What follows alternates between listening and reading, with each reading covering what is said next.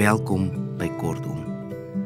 In my volgende paar programme gaan ek fokus op die wenverhale van Pen Afrikaans se kortverhaal kompetisie met toegang as tema. Dit is met ondersteuning van Pen International aangebied. Ons lees vanaand Hendy Groblaar se Die Rooi Tikkies. En ek het die wonderlike, die dierbaarste mens, Daniel van der Walt wat dit gaan voorlees. Geniet ons storie.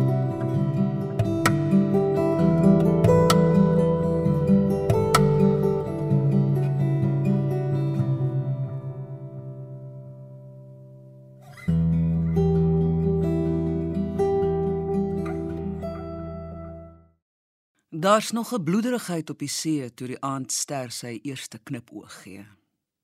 Op presies daardie oomblik kom staan die engel met sy lang bont rok in die deur. Elisa was aan pampoen sny. Boepens en bleekwit het die boer pampoen die klein tafeltjie beset, halstarrig onder die aanslag van die broodmes. "Wil jy nie iedere saag probeer nie?" het die engel gesê. Sy vlerke netjies ingevou agter sy rug. Rasper stem. Nie singerig en streelend soos engele behoort te klink nie. Elisa kyk verskrik op. Die laaste lig skyn blouerig agter die engel en sy gesig is in skaduwee gehul. "Wie is jy?" sê die broodmes langarm voor haar.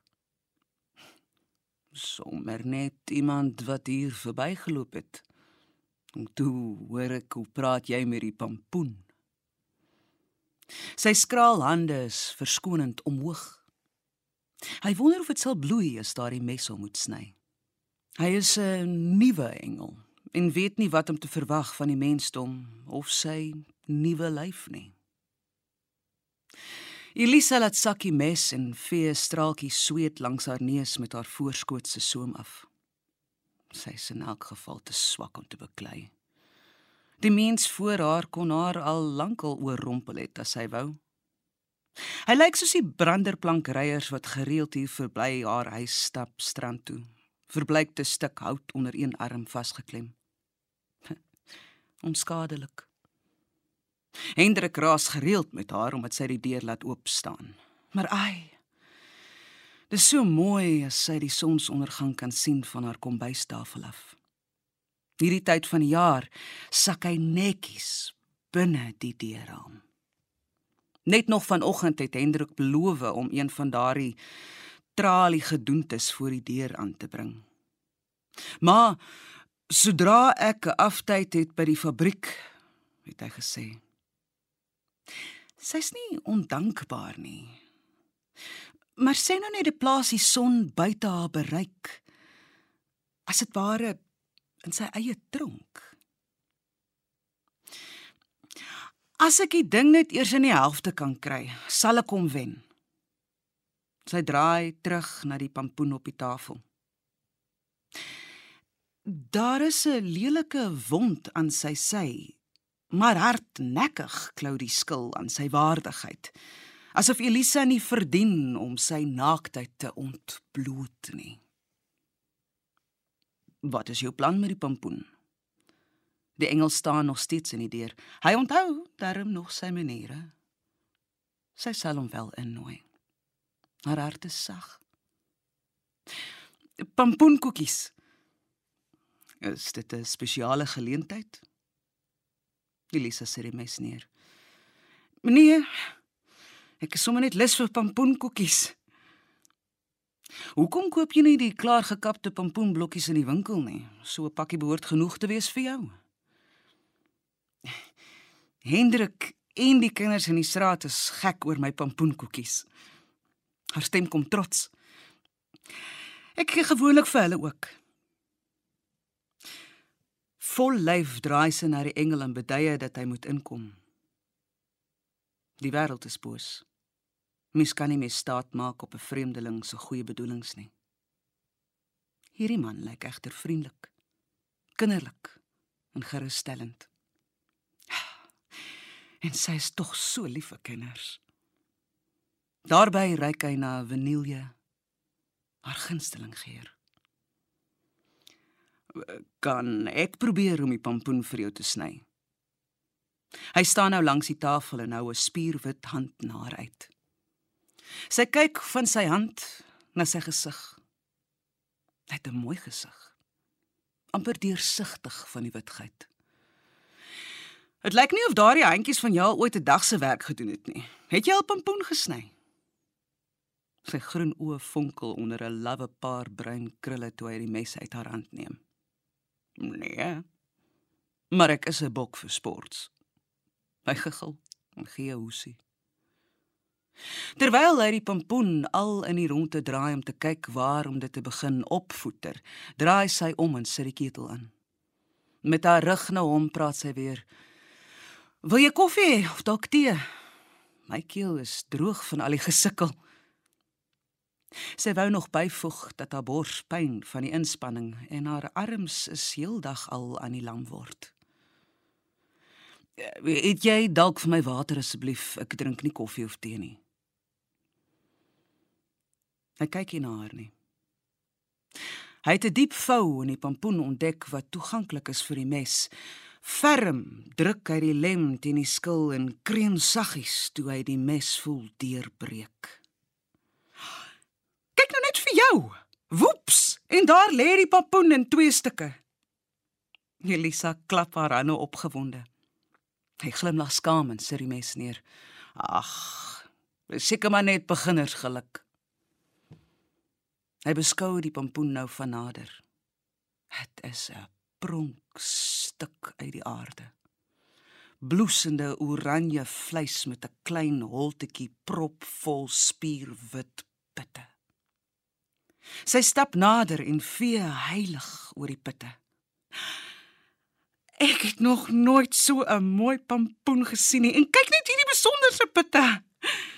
Ek gaan beslis hiervan plant. Opgewonde gryp sy die helfte van die pompoen en die mes.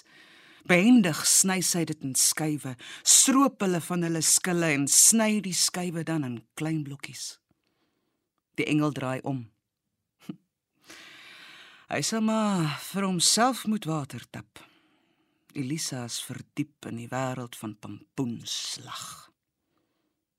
Op die wasbak staan 'n glas wat hy eers vir 'n rukkie om en om draai voor hy dit vul met water uit die kraan. Sy oë is toe en sy vlerke ritsel van lekker kry as hy die koel vog in sy mond rol. Hy het nie gedink hy was so dors nie. Hy het ver gereis en van hier af is dit nog 'n entjie. Hy dink hy sal nog 'n glas drink, Maar sê nou hy moet langs die pad stop vir water afslaan. Gaan sy lyf nog werk soos 'n mens sin en gaan hy tyd hê vir so iets? In gedagte kyk hy na die ou tyd se klein horlosie wat op sy linkerbors vasgespeld is. Ten einde laaste is die pompoen opgesny en draai Elisa om. Sy haal die grootste kastrol in haar kas uit. Dit is haar ou bazaarpot waarin sy vir al die jare die curry gemaak het. Toe hulle haar nog nodig gehad het om kos te maak. Nou mag sy net eenkant sit en kyk hoe ander vir die Here werk. Te oud en seniel, fluister die jongetjies agter lang vingers en geverfde naels. Die hele tyd staan die engel met sy rug na haar toe. Toe hy hoor hoe die pompoenstukke in die pot val, draai hy om en neem woordeloos die groot kastrol en vul dit met water by die kraan. Sonder inspanning stap hy met die swaar vrag en plaas dit versigtig op die stoof. Hy draai die knop op sy hoogste stelling. Die tyd raak min. Die groente moet nou kook. Dan draai hy om en kyk na Elisa. Sy staan eerbiedig met haar hande in gebed voor haar groot boesem. Haar oë is groot in haar wasbleek gesig. Wat is jou naam, engel? Kom dit skor. O. Jy het my vlekke gesien. Sy stem is gelykmatig. Hy kyk nie na haar nie, maar stap tafel toe en begin om die pompoenskille met sy hande bymekaar te maak. Wat is jou naam? vra sy weer, dringend. Wat is jou gunsteling naam in die hele wêreld wil hy weet. Op plaas kyk hy na haar. Uh, Engelbert Hampedink. Die sanger. Hy glimlag breed. Ja. Die sanger. Ek is nog altyd mal oor hom. Dan is dit my naam. Engelbert Hampedink. Kan jy sing? vra sy. Wat dink jy? Hy rasper 'n droë laggie. Hy sal tog nog 'n glas water moet drink, dink hy. Dalk eers vra vir die toilet voordat Hy het jy my kom haal, Engelbert? Hy draai om na die stoof. Loer eers weer na sy horlosie voordat hy aan die knop voor hom draai. Die pompoenstukke kook nou verwoed. Het jy al die ander bestanddele reg vir die pompoenkoekies? Hy ignoreer haar vraag. Ja. Sy sug en pak die olie, meel, bakpoeier, eiers en die pan op die tafel, tel die skille in die pitte op en loop tot langs die deur waar sy die asblikse pedaal met haar voet trap en die afval in die donker drom laat val. Met haar rug na hom pleit sy het ek tyd om 'n baksel te maak. Hy loer weer skuins na die horlosie. Daar is nog 'n bietjie tyd, maar ek sal help. Terwyl hy die pampoen dreineer en fyn druk, maak sy die olie warm en gooi die kaneel by die suiker in die suikerpot. Hulle gesels soos nuwe vriende. Katvoet. Wat se raakpunte het 'n engel en 'n mens tog nou? Wonder sy. Hy vra uit. Sy antwoord. Sy vra uit.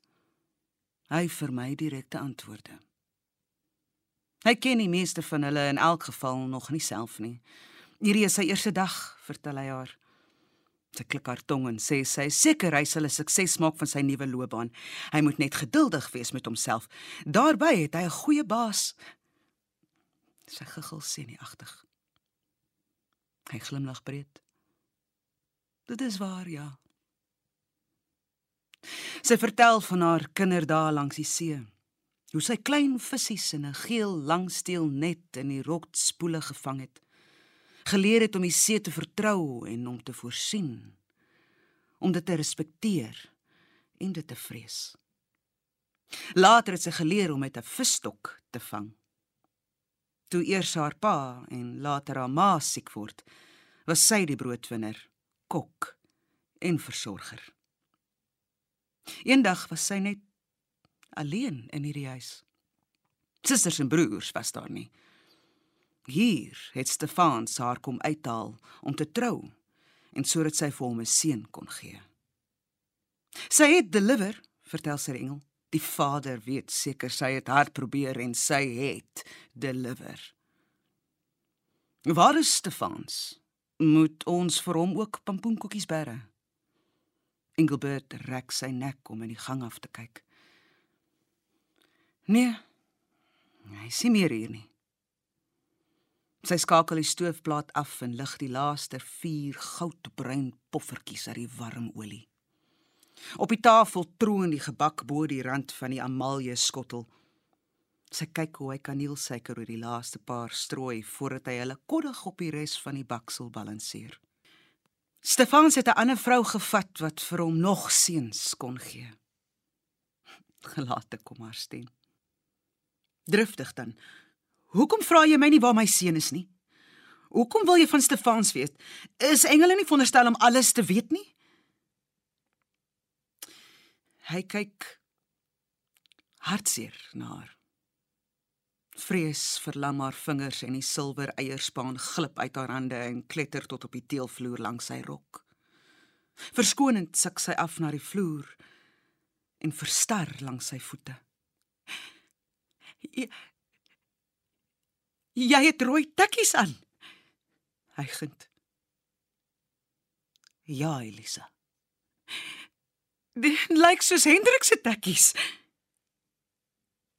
Dis reg, Elisa. Hy buig om haar aan die elmboog op te help. Sy klap sy hand weg. Los my. Los my uit.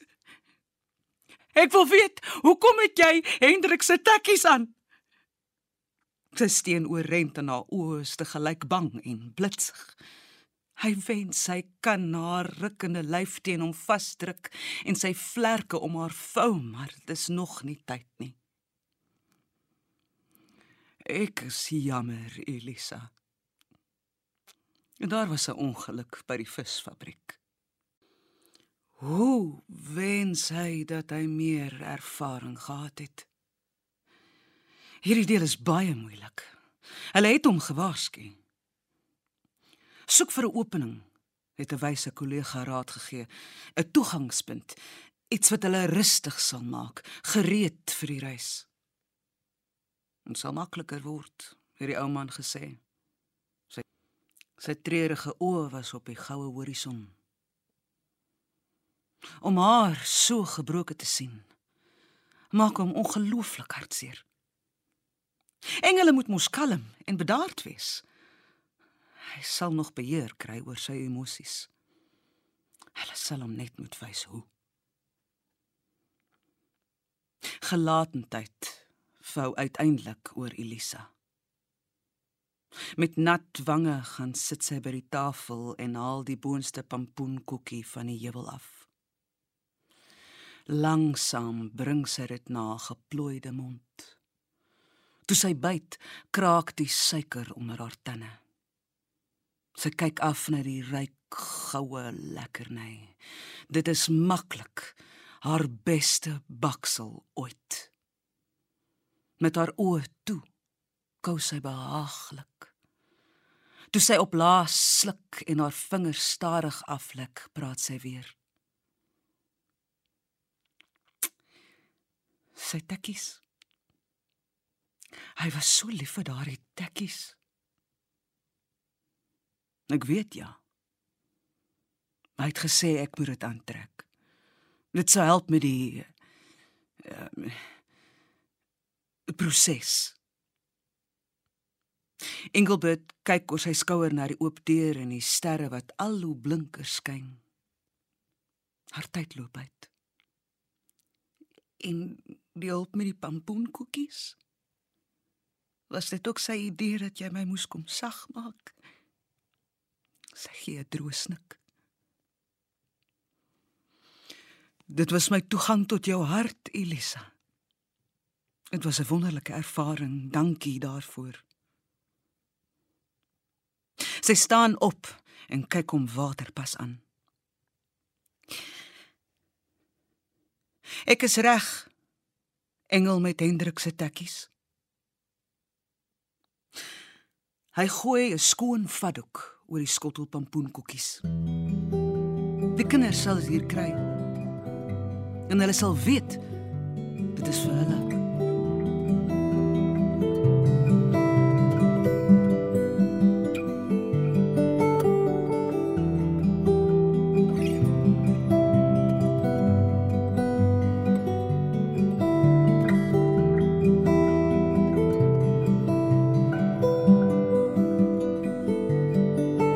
Was die rooi tekkies van Hendy Groblaar.